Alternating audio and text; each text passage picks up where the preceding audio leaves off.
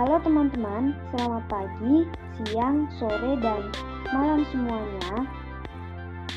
Di kesempatan kali ini, barengan sama aku, Halisonia, atau biasa dipanggil Olis, kita bahas soal citizen journalism atau jurnalisme warga. Terus sama gimana sih citizen journalism di Indonesia itu? Nah, jadi perkembangannya jurnalisme di Indonesia itu kan mengikuti perkembangan jurnalisme dunia ya.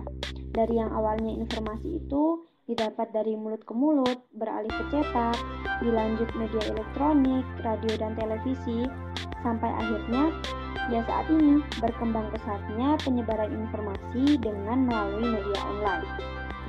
Tapi sebenarnya di era media cetak atau pada era printing saat itu, citizen journalism tuh udah muncul untuk pertama kalinya. Jadi awalnya majalah musik banyak diterbitkan. Nah, laporan-laporan yang mereka dapat itu ya dari fans. Karena banyak fans yang meliput perjalanan karir dan juga melaporkan mengenai musik idolanya secara sukarela. Nah, ini adalah salah satu bentuk jurnalisme warga pada saat itu. Gak cuman di majalah musik ya, ada juga yang bentuknya surat pembaca di beberapa koran dan majalah atau juga kolom citizen journalism yang ada di Tribun Jogja pada saat itu. Itu tahun 2011. Oh iya, sebelumnya coba kita tengok dulu nih, apa sih citizen journalism itu? Jadi, ada beberapa ahli yang berpendapat. Salah satunya nih dari Shane Bowman dan juga Chris Willis. Menurut mereka, citizen journalism itu merupakan aktivitas warga yang memainkan peranan aktif dalam mengumpulkan, menganalisis, melaporkan, dan juga menyebarluaskan berita kepada masyarakat. Nah, dari situ bisa dipahami ya, kalau citizen journalism itu intinya adalah kegiatan atau peranan jurnalis yang dilakukan oleh warga biasa, tanpa harus adanya embel-embel profesional. Nah, kegiatan yang dilakukan sih ya macem-macem, bisa ngumpulin informasi, nulis berita, edit berita, atau bahkan nyebarin informasi itu.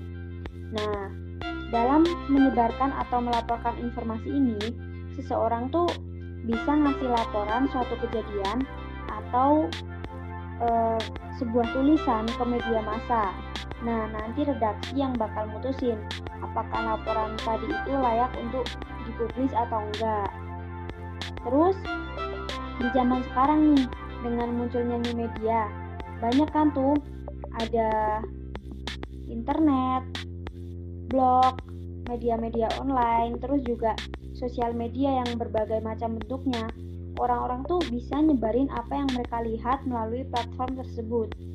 Ada yang nyebar foto atau bisa juga video kalau yang nulis di blog, mereka sih biasanya disebut blogger.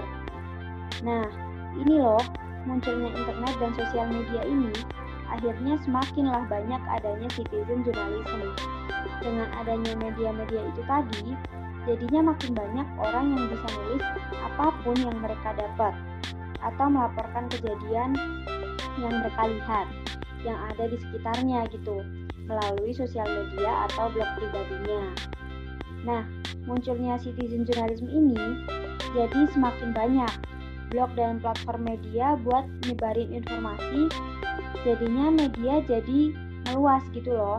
Yang tadinya berita didapat dari wartawan, sekarang siapa pun bisa bisa nulis, bisa nyebarin informasi, siapa pun bisa jadi wartawan lewat platform online itu tadi. Tapi ya tetap sih ada perbedaan antara jurnalis profesional sama jurnalis warga. Kalau citizen jurnalis, dia kan sangat mementingkan kecepatan, ya kan, daripada isi informasinya. Sedangkan kalau jurnalis profesional, dia harus melaporkan berita dengan beberapa syarat sesuai sama kode etik, kayak misal kedalaman berita, kelengkapan berita, dan juga akurasi berita itu tadi.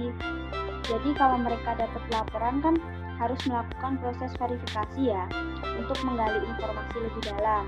Terus juga buat tahu kebenaran berita tersebut, nggak yang semata-mata dapat laporan langsung tuh ditulis jadi berita dan disebarin.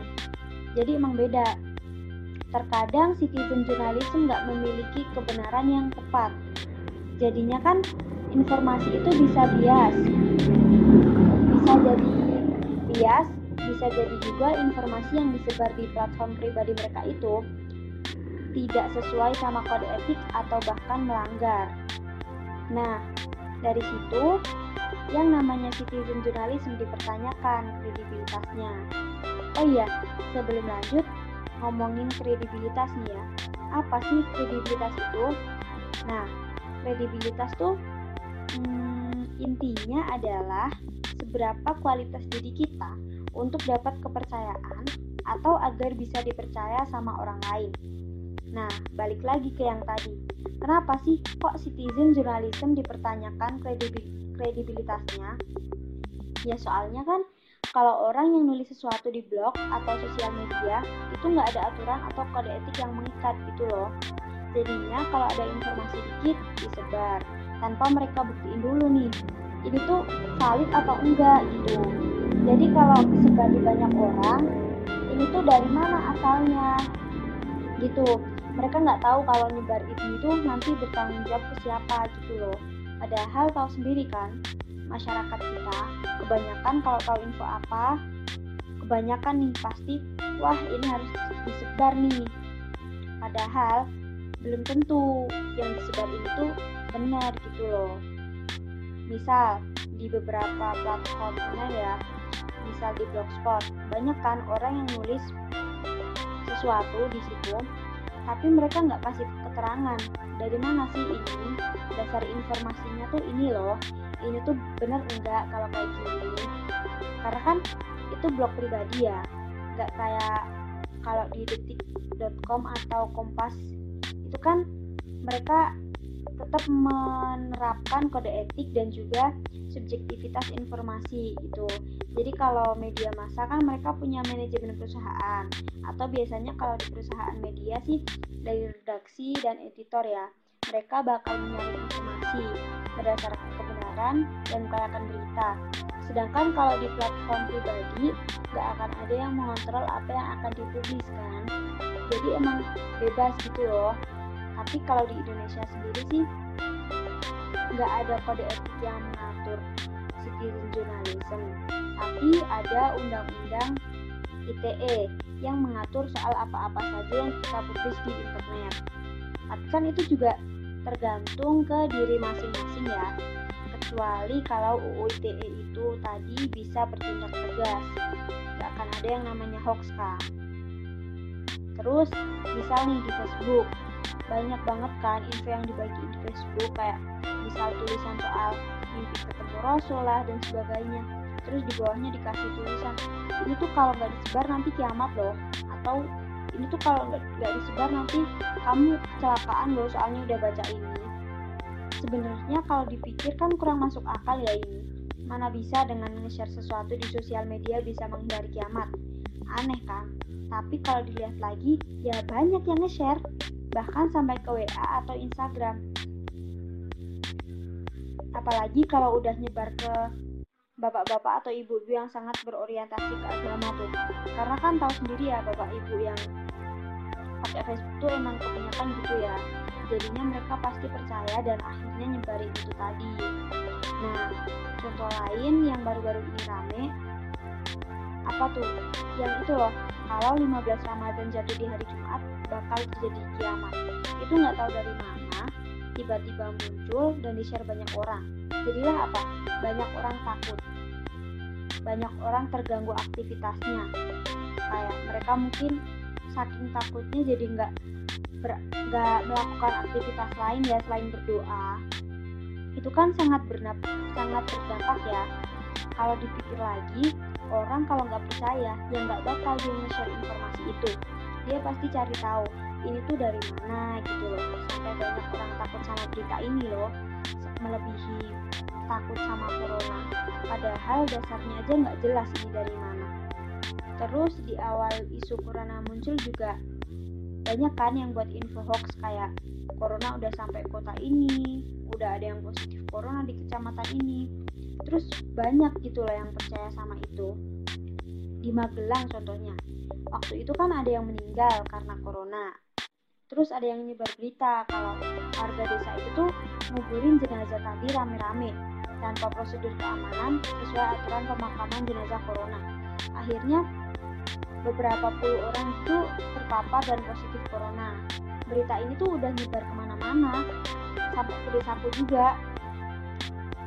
Nyebarnya ya lewat itu tadi media sosial ada yang lewat WhatsApp terus juga nyebar di Facebook juga kan tanpa dicari kebenarannya. Akhirnya di share lah sampai mana-mana. Itu bukan bikin ular masyarakat tapi malah nambah panik kan.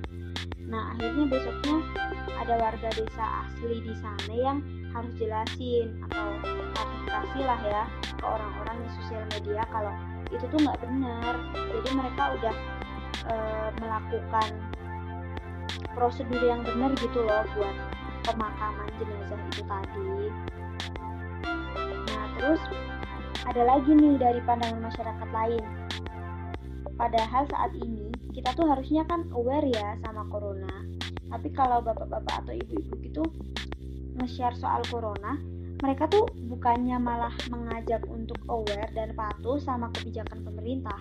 Malah apa? Mereka bilang mati itu ya karena udah waktunya, karena Allah, karena Tuhan. Jadi nggak usah takut sama corona. Gitu-gitu kan?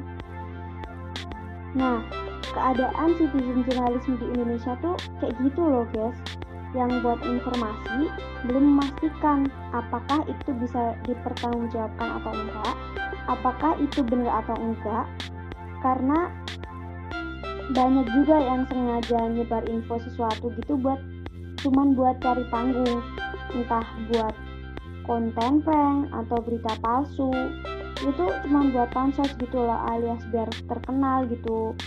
Itu untuk yang buat. Nah pembacanya juga sama aja karena orang Indonesia itu memang krisis membaca. Kadang mereka belum selesai tuh baca info, tanpa tahu ternyata kalau itu hoax. Biasanya di akhir ada klarifikasi dari si penulis sendiri kalau ini tuh cuma bercandaan gitu loh. Atau kalau nggak besoknya muncul klarifikasi dari media lain. Kalau itu nggak bener, sekedar bercandaan, prank atau bahkan itu tuh berita palsu. Tanpa tahu itu, mereka tuh udah nge-share in info itu tuh ke mana-mana. Ya nggak? Banyak kan yang kayak begitu? Lihat ini dikit disebar lihat itu dikit disebar. Heboh. Padahal aslinya nggak bener banyak kan kasus begitu? Biasanya kabar yang diklarifikasi hoax tuh udah nyebar ke mana-mana. Udah ada yang buat isi lah udah tulis komentar jahat lah. Padahal itu tuh nggak benar. Jadi ya seharusnya memang baik dari pembaca maupun pembuat atau penyebar info tuh perlu mikir lagi kan. Buat citizen journalism atau seseorang yang buat informasi di internet pastikan dulu nih harusnya kebenarannya. Jangan buat berita atau tulisan yang asal hanya demi konten. Begitu pula pembaca harus memilih dan memilah mana yang benar mana yang bisa di-share mana yang tidak. Karena kenyataannya kan itu tadi di Indonesia tuh nggak begitu. Akhirnya kan banyak ya hoax yang tersebar karena citizen journalism. Di lain sisi juga nggak ada kode etik yang mengikat dan UU ITE juga tidak tegas dalam memberikan sanksi kepada orang-orang yang menyebar hoax dan para pelanggar lain. Tapi selain itu sih ada juga loh sisi baiknya dari citizen journalism ini. Misal ada bencana banjir bandang. Saat itu kan nggak ada wartawan yang memberitakan. Karena ya siapa siapa sih yang tahu kalau bakal ada banjir ya kan nah akhirnya ada salah satu warga yang merekam kejadian saat air datang kemudian dia upload lah video itu ke sosial media kalau nggak dia kirimlah video itu ke media ke media massa maksudnya Akhirnya media massa kan tahu, terus meliput kejadian tersebut. Tentunya dengan melakukan proses verifikasi ya. Tapi ya itu tadi, beritanya kan didapat dari partisipasi warga yang merekam kejadian itu. Nah, kalau ini sih contoh yang positif ya. Nah, dari contoh-contoh tersebut kan bisa ya dipahami kalau citizen journalism itu siapa pun bisa menjadi partisipan dalam menyebarkan informasi. Dan seharusnya kita sebagai partisipan harus bisa menyeleksi berita, tulisan atau informasi apa pun lah itu yang didapat supaya kita nggak salah milih bacaan. Ya itu tadi sih yang bisa aku sampaikan kali ini. Ya ternyata intinya cuman fenomena citizen journalism di Indonesia. Jadi harus selalu ingat ya, penting banget menyeleksi bacaan yang didapat. Oke? Juga untuk menyebarkannya, nggak asal-asalan, harus sesuatu yang bisa dipertanggungjawabkan gitu. Baiklah, kalau begitu kita sudah sampai di akhir nih. Yeay, terima kasih ya buat yang udah dengerin. Kalau ada kesempatan lain, mari berjumpa lagi di podcast berikutnya. Dadah. Wassalamualaikum warahmatullahi wabarakatuh. Música